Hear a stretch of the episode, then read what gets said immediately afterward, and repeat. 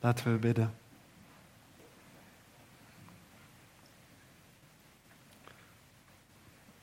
Vader in de hemel, drie enig God, Vader, Zoon en Heilige Geest. We willen nu uw woord openen en we willen uw woorden horen, uw stem verstaan. We willen ons naar u uitstrekken, Heer, in het lezen van de Bijbel en begrijpen wat er staat. We verlangen ernaar, Heer, om te gevormd te worden naar het beeld van uw Zoon Jezus Christus. We verlangen naar meer liefde en meer kracht, zoals we net baden. En die kracht die kunnen we alleen maar ontvangen als u meer van uw Heilige Geest aan ons geeft. En daarom bidden we, Vader, dat u uw geest wilt zenden. Dat u veel van uw geest geeft in het spreken. En dat uw woorden, de, de woorden die ik eh, spreek, dat u daar leven aan wilt geven. Dat u uw geest geeft in het horen. En dat u ons zo vormt, heren, dat we verlangen naar een dieper, intenser gebedsleven met u. Want bij u zijn we zo veilig, Heer. En ik bid, Heer, dat u nu komt en ons wilt zegenen. Bouw uw kerk, Heer. In Jezus' naam. Amen. De vorige keer, uh, toen uh, ik uh, met de preek het boek van de Filippenzen opende, toen hebben we stilgestaan bij Filippenzen hoofdstuk 1, vers 1 en 2. En we zagen toen tijdens die preek dat het, de kern van het boek, de kern van het boek Filippenzen, dat dat hoofdstuk 2, vers 5 tot en met 11 is. Waar Paulus schrijft over Jezus. En de hele brief wordt eigenlijk opgehangen aan die paar versen in hoofdstuk 2, vers 5 tot en met 11. We zagen dat Paulus en Timotheus zichzelf dienstknechten noemen. En dat ze allereerst de Heer, maar ook anderen willen dienen. Net zoals Jezus een dienstknecht was. En dat lezen we daar in hoofdstuk 2, vers 5 tot en met 11. En de oproep daar in die versen 1 en 2, in Filippenzen hoofdstuk 1, vers 1 en 2, voor ons, hebben we toen bij stilgestaan, is om zelf ook als dienstknechten te leven en zelf te dienen. En dat begint allereerst in ons gezin, maar daarnaast ook in de gemeente. Vandaag zijn we aangekomen bij versen 3 en 4.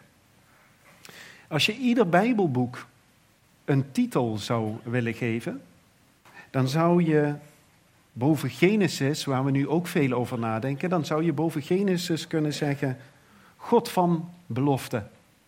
Want Genesis is een uh, boek waar veel over de belofte van God gesproken wordt. Als we kijken naar uh, het boek Hebreeën, waar we het afgelopen jaar best veel bij stil hebben gestaan, dan zou je daarboven kunnen zetten God van vervulling. Want je ziet in Hebreeën dat de schrijver voortdurend praat over al die beloften die vervuld zijn in Jezus Christus zelf. Maar we zijn nu bezig met Filippenzen. En ik denk dat als je daar een titel boven zou kunnen zetten, dan zou je daarboven kunnen zetten God van vreugde. God van vreugde. Dat zou een passende titel zijn. De blijdschap of vreugde die we in God, de Vader en zijn Zoon Jezus Christus mogen ontdekken, mogen verdiepen, is een thema dat regelmatig terugkeert in Filippenzen. En in het bijzonder in hoofdstuk 4. En daar komen we te zijn tijd nog bij. Je ziet maar liefst 16 keer in het boek Filippenzen dat Paulus schrijft over blijdschap, over vreugde. Het is ook een brief met veel bekende Bijbelversen, Filippenzen. We lazen net bij de opening van de dienst Filippenzen 4, vers 5 en 6. En dat zijn versen die ieder van ons vast wel alles eerder gehoord heeft. Maar eigenlijk zouden we het best vreemd uh, mogen vinden. Dat je hier boven dit boek God van vreugde zou kunnen zetten als titel. Of God van blijdschap. Paulus die zat namelijk in de gevangenis. Daar hebben we de vorige keer ook bij stilgestaan. Hij zat in de gevangenis toen hij deze brief schreef. Allereerst zien we in Handelingen 16 dat Paulus en Silas in eh, Filippi aankomen en dat ze daar eh, gevangen gezet worden en dan vindt er een aardbeving plaats en de gevangenbewaarder komt tot geloof. Dat is de eerste keer dat Paulus, dat er geschreven staat dat Paulus in de gevangenis zit. De tweede keer dat Paulus in de gevangenis zit, is in Caesarea, in het Praetorium. Praetorium is een hoofdkwartier voor soldaten. Daar zat hij aan de noordwestkust van Israël, zat hij gevangen in Handelingen 23. Daar had hij waarschijnlijk wat betere omstandigheden dan in Filippi. In de laatste verse van Handelingen, in hoofdstuk 28, daar zien we dat Paulus weer gevangen is in Rome. En dat hij waarschijnlijk vastgeketend zat aan een soldaat. En dat hij voortdurend uh, in een huis verbleef. Maar de traditie gaat dat daarna Paulus weer vrij is gekomen.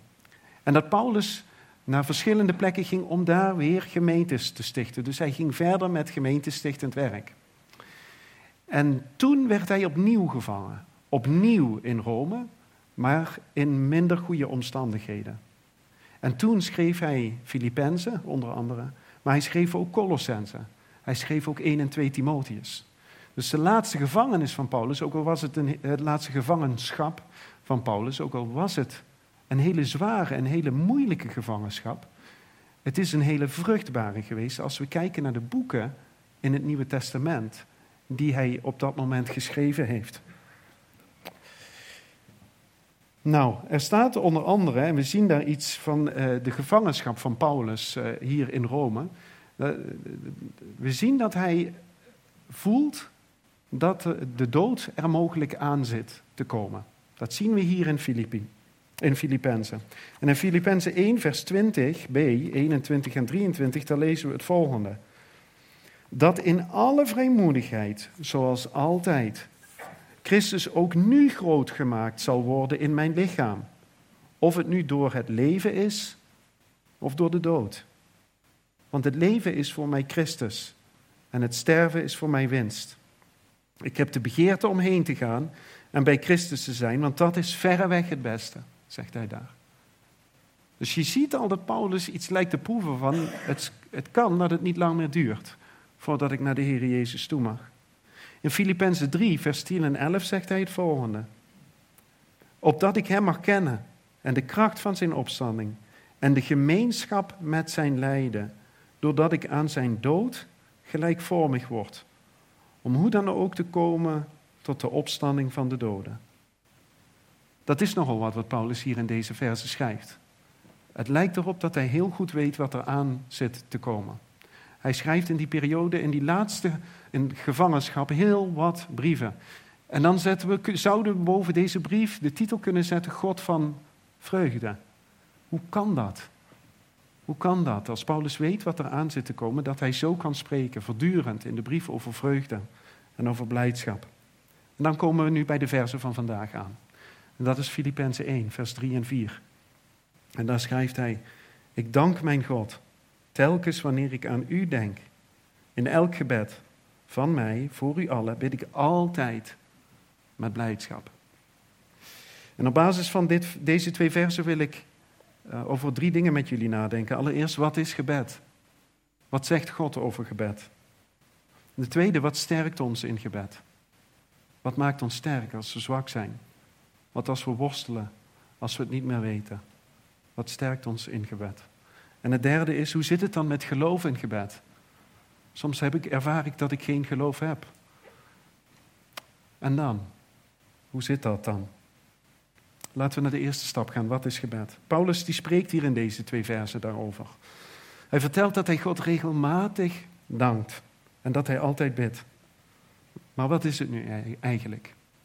Nou, door de eeuwen heen hebben groepen gelovigen op basis van de Bijbel geloofsbelijdenissen opgesteld. En geloofsbelijdenissen zijn teksten die ons helpen om het geloof als het ware samen te vatten, om een omschrijving van ons geloof te maken en wat het is. Geloofsbelijdenissen hebben christenen door de eeuwen gesteund en gesterkt en bevestigd in hun wandel met God.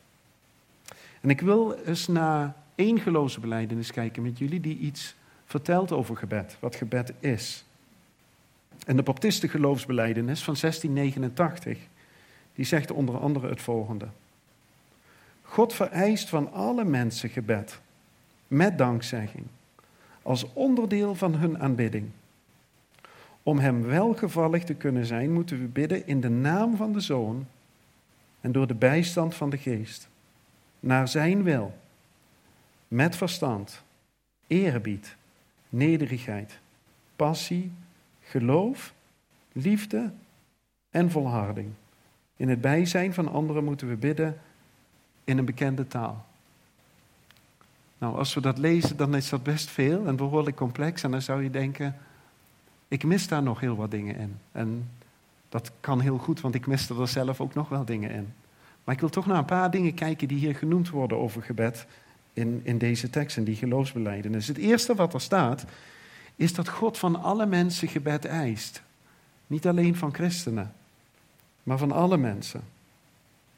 God eist van ieder mens dat we tot Hem komen in gebed. Jezus zegt ook in Lucas 18, vers 1, dat Hij ons aanspoort omdat Hij vindt dat we moeten bidden. Dit zit ook automatisch geborgen in het gebod wat Jezus zelf in Matthäus geeft. Als Hij zegt, heb de Heere God lief met heel uw hart, heel uw ziel, al uw kracht, al uw verstand. Als we God lief hebben, dan zoeken we Hem ook. Dan zoeken we Hem ook in gebed. En we zien het ook in de eerste twee van de tien geboden. Dat we God alleen als onze God zullen hebben. God alleen zullen we als onze God hebben. Dus we zullen tot Hem bidden. Hij verwacht dat we tot Hem bidden. Dat we met Hem spreken.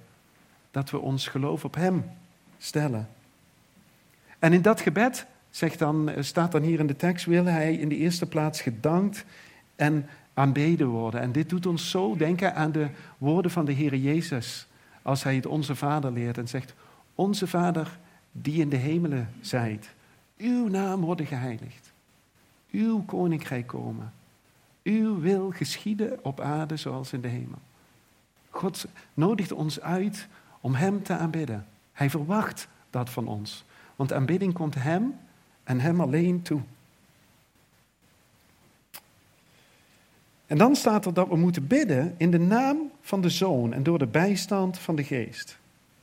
En dit doet ons denken aan die woorden van Jezus zelf, waarin hij zegt in Johannes 16, voorwaar, voorwaar, ik zeg u, alles wat u de Vader zult bidden in mijn naam, zal hij u geven. Tot nu toe hebt u niets gebeden in mijn naam. De reden waarom Jezus zegt, u zult bidden in mijn naam, is omdat we God niet kunnen naderen dan door zijn Zoon Jezus Christus heen. We kunnen niet bij Hem komen dan door Jezus. Spurgeon, een Engelse predikant uit de 19e eeuw, die zegt daarover het volgende. Er kan geen contact zijn tussen God en de gevallen mens, behalve dan door Jezus Christus, de aangewezen middelaar. Hij is de deur en al het andere is een muur van vuur. Je kunt God naderen door Jezus. Hij alleen is de brug over die grote kloof. En zo staat er ook in 1 Timotheus 2, vers 5, want er is één God en ook één middelaar tussen God en de mens. En dat is Jezus Christus. Hij alleen is de middelaar. Hij alleen is degene die bemiddelt tussen God en de mens. En het is in Zijn naam dat wij bij God mogen komen en in Zijn naam alleen. En dit is precies waarom christenen over de hele wereld eeuwenlang bidden in Zijn naam, in Jezus' naam. We kunnen alleen maar door Jezus tot Hem komen. Dat we geloven dat Hij en Hij alleen de weg heeft vrijgemaakt om tot God te komen. En dat heeft Hij gedaan door wat Hij aan het kruis voor ons gedaan heeft. Als we geloven dat Hij dat gedaan heeft, als wij geloven dat Hij aan het kruis voor onze zonde gestorven is, dan weten we dat Hij het ook is die daardoor de weg tot de Vader heeft vrijgemaakt. En waardoor we tot God mogen komen. En dat God zegt, kom bij mij. Kom bij mij in de naam van mijn Zoon, die alles voor jou gedaan heeft. We moeten altijd tot Hem bidden. We moeten Hem danken en aanbidden. En we moeten tot Hem komen in de naam van Zijn Zoon. En als we hier zouden stoppen, dan zou iedereen zeggen, nou dat is nogal droge kost. Dat is fijn dat je dat theologisch hebt uiteengezet. Maar is dat het dan? Of is er nog meer aan gebed dan alleen dat? Want als we hier zouden stoppen, dan zouden we misschien zeggen, wat legt God de lat hoog? Wat legt hij de lat hoog? Daar kom ik niet aan, dat lukt me niet. Ik ga niet in alles tot gebed. Ik vergeet Hem soms te aanbidden, of soms ben ik boos op God. Of vind ik het heel moeilijk en wil ik niet bidden.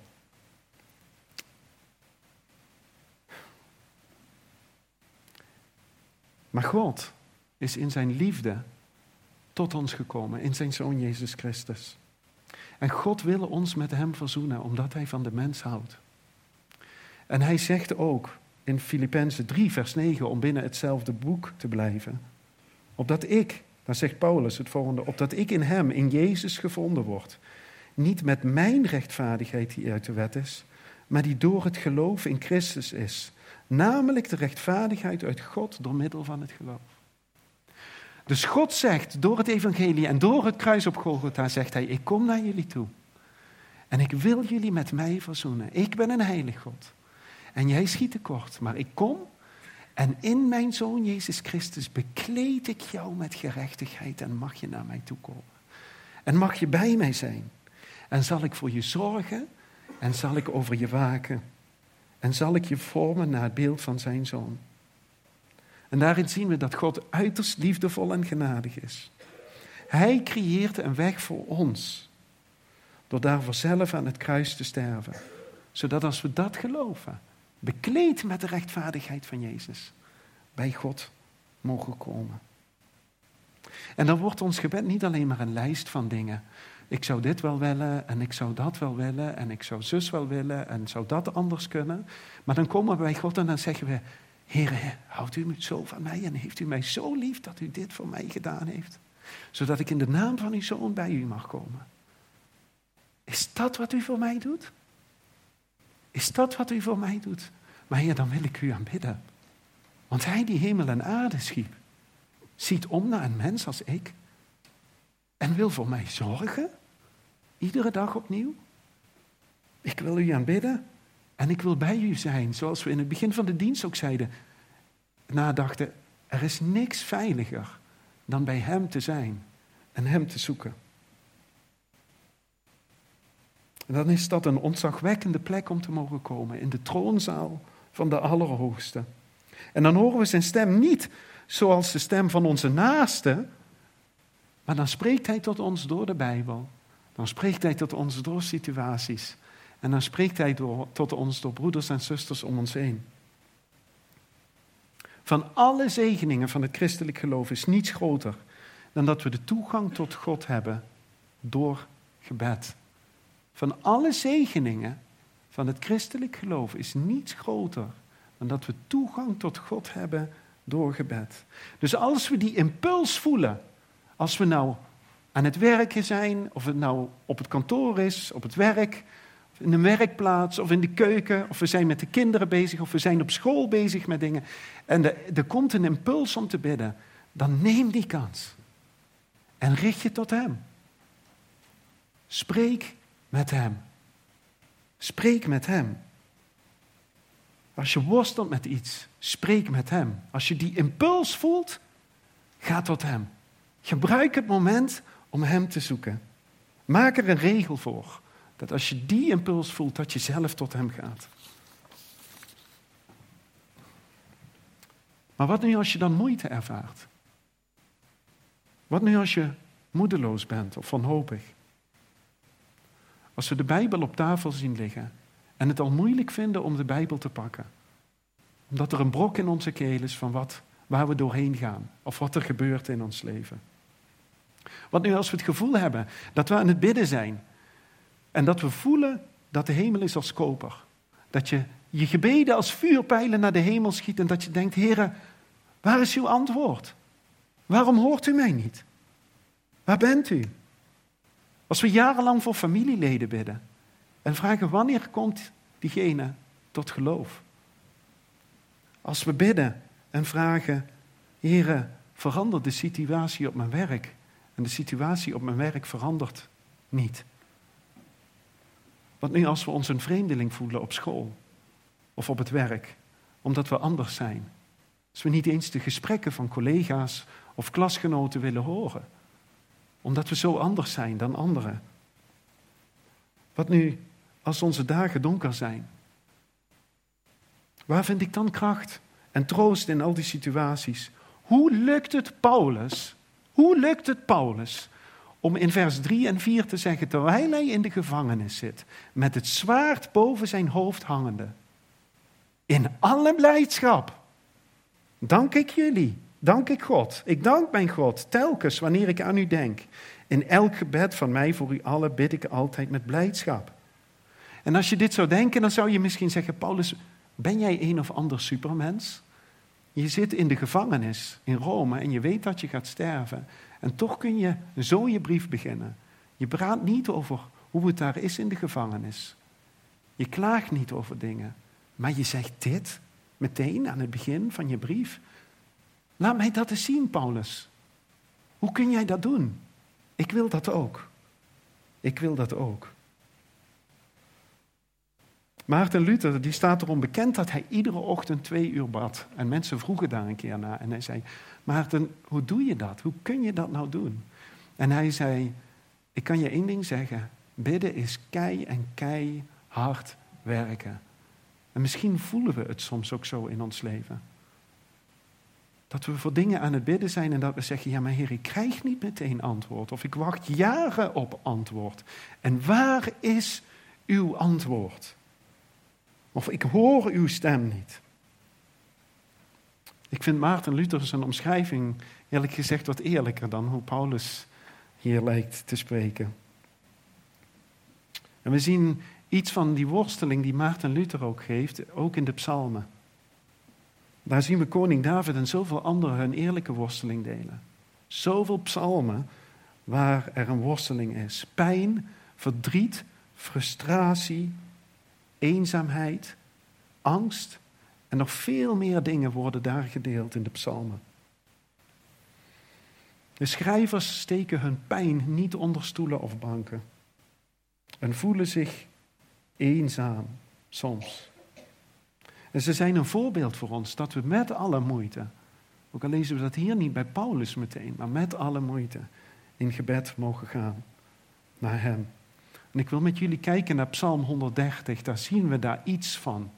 In hoe, Paulus, in hoe eh, Psalm 130 geschreven is. Daar zegt de schrijver. Uit de diepte roep ik tot u, o Heer. Heer, hoor naar mijn stem. Laat uw oren opmerkzaam zijn op mijn luide smeekbeden. Als u, Heere, op de ongerechtigheid let, Heren, wie zal staande blijven? En als we tot hier zouden stoppen, dan zou je zeggen, ja, kijk naar die worsteling. Kijk naar die worsteling. Maar dan gaat de schrijver verder. Maar bij u is vergeving, opdat u gevreesd wordt. Ik verwacht de Heer, mijn ziel verwacht hem. En ik hoop op zijn woord. Mijn ziel wacht op de Heer, meer dan wachters op de morgen, wachters op de morgen. Laat Israël hopen op de Heer, want bij de Heer is goedertierenheid en bij hem is veel verlossing. Ja, hij zal Israël verlossen van zijn ongerechtigheden. In vers 2 lezen we hier over smeekbeden. We lezen over moeite, over vergeving ook, wat verderop. En wat er ook gebeurt in het leven van die schrijver, we zien dat hij het moeilijk heeft. Of het nou vergeving van zonde is, of lijden, of allebei. Je ziet dat de schrijver het moeilijk heeft. Hij zegt uit de diepte, uit de put roep ik tot u. In de diepte zit hij. Hij zit in zijn donkere dagen en hij schrijft het op. En hij zegt, hoor mijn stem. Uit de diepte. Laat uw oor opmerkzaam zijn. En de schrijver deelt zijn lijden met God. Hij deelt dat hij ervaart dat hij in diepte zit, in een put. Hij strijdt met God. Maar dan kijken we naar vers 5 en dan zien we dat er een ommekeer lijkt te komen in zijn woorden. Dan zien we in vers 5 dat hij vanuit de moeite naar boven kijkt, uit de diepte. En kijkt hij naar het licht aan het eind van de put. Hij ziet licht, hij ziet de Heer. Hij draait zijn oog van zijn omstandigheden naar boven toe, naar God toe.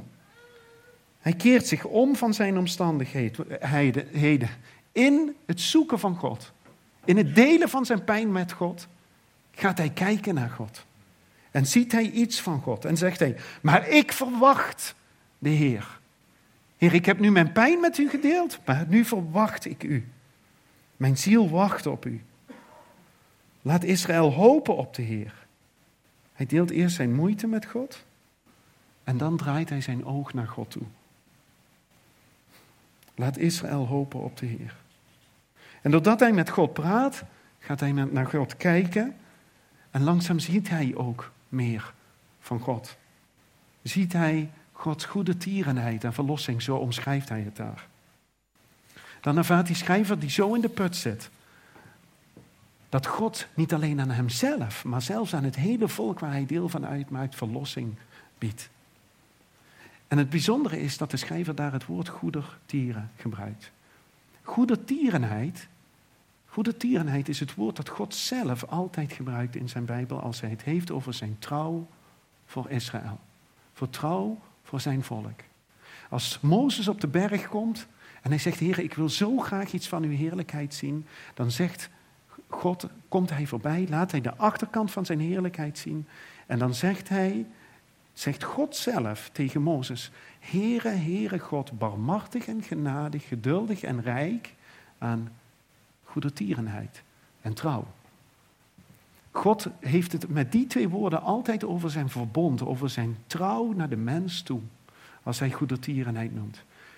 En hier schrijft de schrijver, maar die goedertierenheid die zal ik weer zien. En als wij nadenken over goedertierenheid, over Gods trouw naar ons, over Gods verbond met ons, dan is het enige waar we aan kunnen denken, is de Heer Jezus zelf en het verbond dat God met ons in zijn Zoon gesloten heeft. En hij zegt, ik zal uw goede tierenheid zien.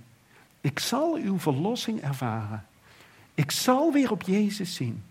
Ik zal me aan Hem vasthouden. Ik zal me naar Hem uitstrekken als het moeilijk is, als mijn dag donker is. Want dan kan ik mezelf uit de situatie trekken. Dan trekt u me uit de situatie. En dan mag dat ook zijn wat Paulus zegt. Dat we iets van Gods werken zien in zijn zoon Jezus Christus, maar ook in de mensen om ons heen. En dan zegt Paulus, maar dan is er blijdschap in me. Dan kan ik in de gevangenis zitten. Maar dan kijk ik op Jezus. Dan kijk ik naar Gods goedertierenheid. Dan kijk ik naar zijn trouw voor mij.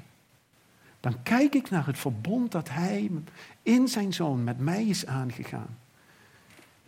En dan word ik uit de situatie getrokken. En dan kan ik ook blij zijn. En kan ik danken voor wat God in de levens van andere mensen doet. Want daarin zie ik Gods trouw voor mij.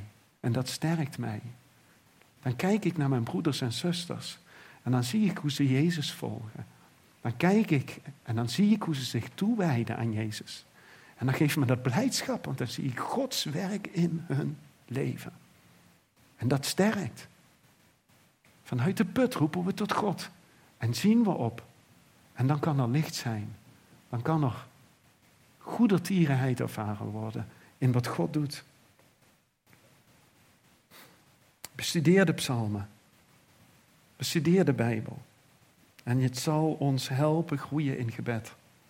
Het zet de dingen die we in de Bijbel tegenkomen, zet die dingen om in gebed. Als we de Bijbel lezen en we ervaren moeite, dat we zeggen, Heer, ik voel alsof ik in de diepte ben. Ik voel alsof ik in de put zit. Maar waar bent u? Waar is uw verlossing? Waar is uw goedertierenheid? En zo helpt de Bijbel ons te bidden. Maar wat nu als we dit doen en ons nog steeds zwak voelen in gebed? Wat nu als we worstelen met die gedachte, wil God ons wel helpen? Wil God wel bij me zijn of houdt Hij wel van mij?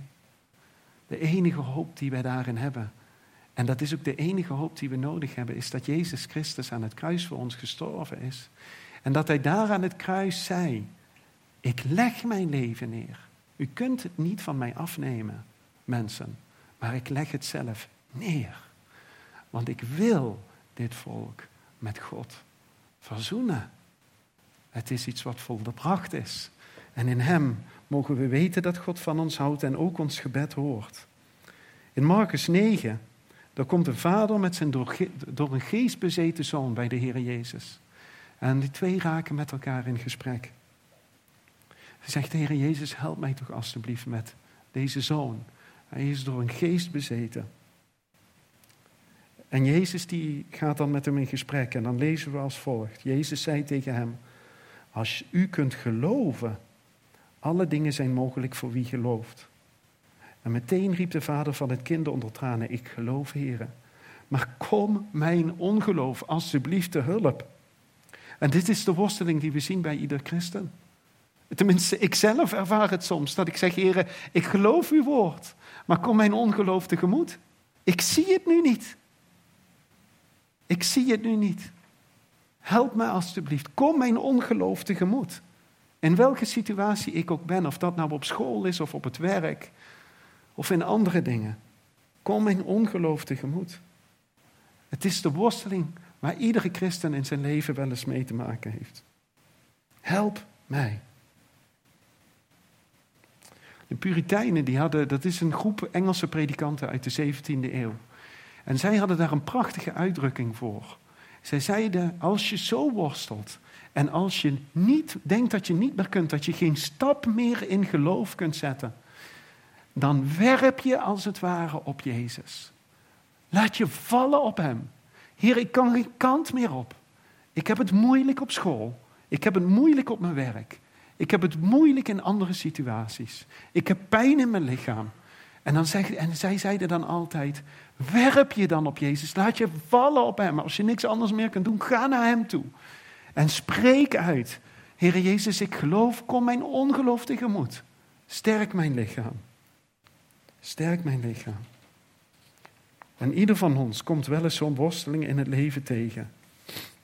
Dan mogen we ons werpen op Hem die ons, die jou lief heeft.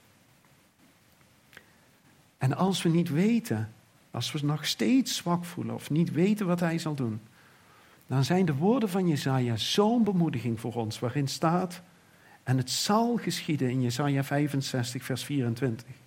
En het zal geschieden dat voordat zij roepen, ik zal antwoorden. Terwijl ze nog spreken, ik zal horen. Het is een uitnodiging van God voor het hele volk van Israël dat hem eigenlijk niet volgt. Het is een uitnodiging van God. Hij zegt, als jullie nog spreken, dan hoor ik al. Als jullie nog spreken, zal ik antwoorden. En zoals de vader die klaarstaat om zijn kinderen te beantwoorden, zo is God voor hen die hem zoeken in gebed. Zo staat hij klaar om naar ons te luisteren. Er staat in Romeinen 8, vers 26. En evenzo komt ook de geest onze zwakheden te hulp. Want wij weten niet wat wij bidden zullen zoals het hoort. Is dat niet een troost dat als we zeggen, Heer, ik kan niet meer, dat we mogen zeggen, Heilige Geest, kom mij tot hulp. Heilige Geest, ik heb meer van uw kracht nodig. We baden daar net voor. Heilige Geest, vul mij, want ik kan niet meer. En dan zegt Paulus hier in Romeinen 8, maar de Geest komt jou te hulp. Hij zal je helpen. Hij is in jou en je mag voortdurend vragen om een grotere mate van zijn aanwezigheid in jou. Geef ons kracht.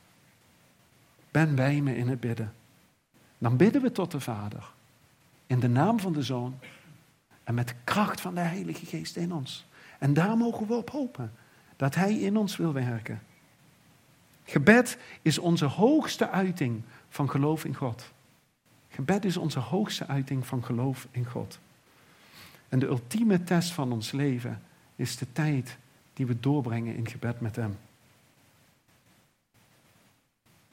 Het is de basis van ons wandelen met Jezus. En die heilige blijdschap die we dan bij Paulus zien, die heilige blijdschap over wie God is en wat Hij doet, ook in zijn broeders en zusters, is de motor voor het sterk gebedsleven bij Paulus. Je zien heilige blijdschap over wie God is en wat Hij doet.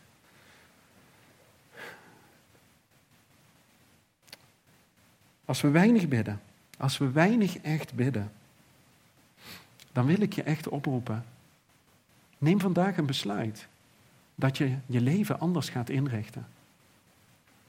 Dat je vandaag zegt, Maar Heer, ik heb u nooit gezocht. Of ik zoek u eigenlijk weinig. Ik ga s'avonds gewoon veel te laat naar bed. Ochtends neem ik de tijd met u niet. En heren, als ik dan kom, ben ik droog. Dan ben ik aan het zoeken in de Bijbel en ik vind eigenlijk niks. En God roept ons hier in deze verte op. Zelfs in moeilijke omstandigheden kun je blijdschap en diepe vrede met God zelf ervaren. Neem dan die keuze om je vandaag daarvan te bekeren en te zeggen: Heere God, het is niet goed geweest zoals ik het gedaan heb. Ik ga hier mijn leven in veranderen. Want ik wil die blijdschap en die vreugde ook ervaren. Laat het niet komen tot op het moment dat je in een moeilijke situatie komt, die ieder van ons ooit mee zal maken. En dan zegt, ja maar God, waar bent u? En dat je dan de stem van God hoort, maar waar was jij al die jaren? Waar was jij al die jaren? Als jij nog roept, wil ik horen. Als jij nog spreekt, zal ik luisteren. Als je in de diepte of in de put zit, dan is mijn gebed dat deze woorden je echt mogen bemoedigen. Dat je zegt, ja, ik ben zoals de psalmisten. Ik ervaar dat ook.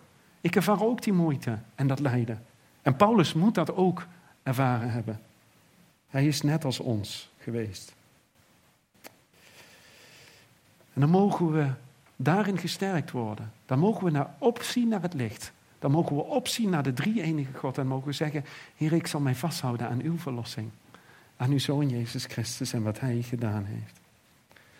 God wil een schuilplaats zijn. Hij wil veilig, hij is een veilige plek voor ons, zoals we in het begin al nadachten daarover. Hij wil een schuilplaats voor ons zijn. In moeilijke situaties. Hij wil een schuilplaats voor ons zijn. Op ieder moment van ons leven. Hij wil ons veiligheid bieden. En dat kan ook alleen maar in Hemzelf. Willen wij impact hebben? Willen wij als gemeente groeien? Willen wij als gemeente, willen wij dat broeders en zusters om ons heen, of dat mensen om ons heen, hier in Baaksem, in Heidhuizen of in ieder dorp waar jij woont, wil jij, willen wij dat mensen tot geloof komen? Willen wij als gemeente impact hebben op onze omgeving? Willen we dat? Dan is groei in gebedsleven een heel belangrijk instrument daarin. Als God zijn kinderen iets wil geven, dan zet Hij ons allereerst aan het bidden. Dan zet Hij ons allereerst aan het bidden. En zo mogen we tot Hem komen. Zo mogen we tot Hem komen. Bij Hem zijn. Met moeite en in vragen. Ik wil met jullie bidden. Vader in de hemel. Heer onze God, wat is het een voorrecht dat we U mogen kennen. En wat is het een voorrecht dat U ons lief heeft, Heer. Wat, we begrijpen dat niet. Waarom zoveel genade voor iemand als ik? Voor iemand als wij? Heere, uw liefde is overweldigend. En u heeft het laten zien in uw zoon aan het kruis op Golgotha. En u nodigt ons uit tot een diepe, intieme relatie met uw zoon Jezus Christus, waarin we alles kunnen delen.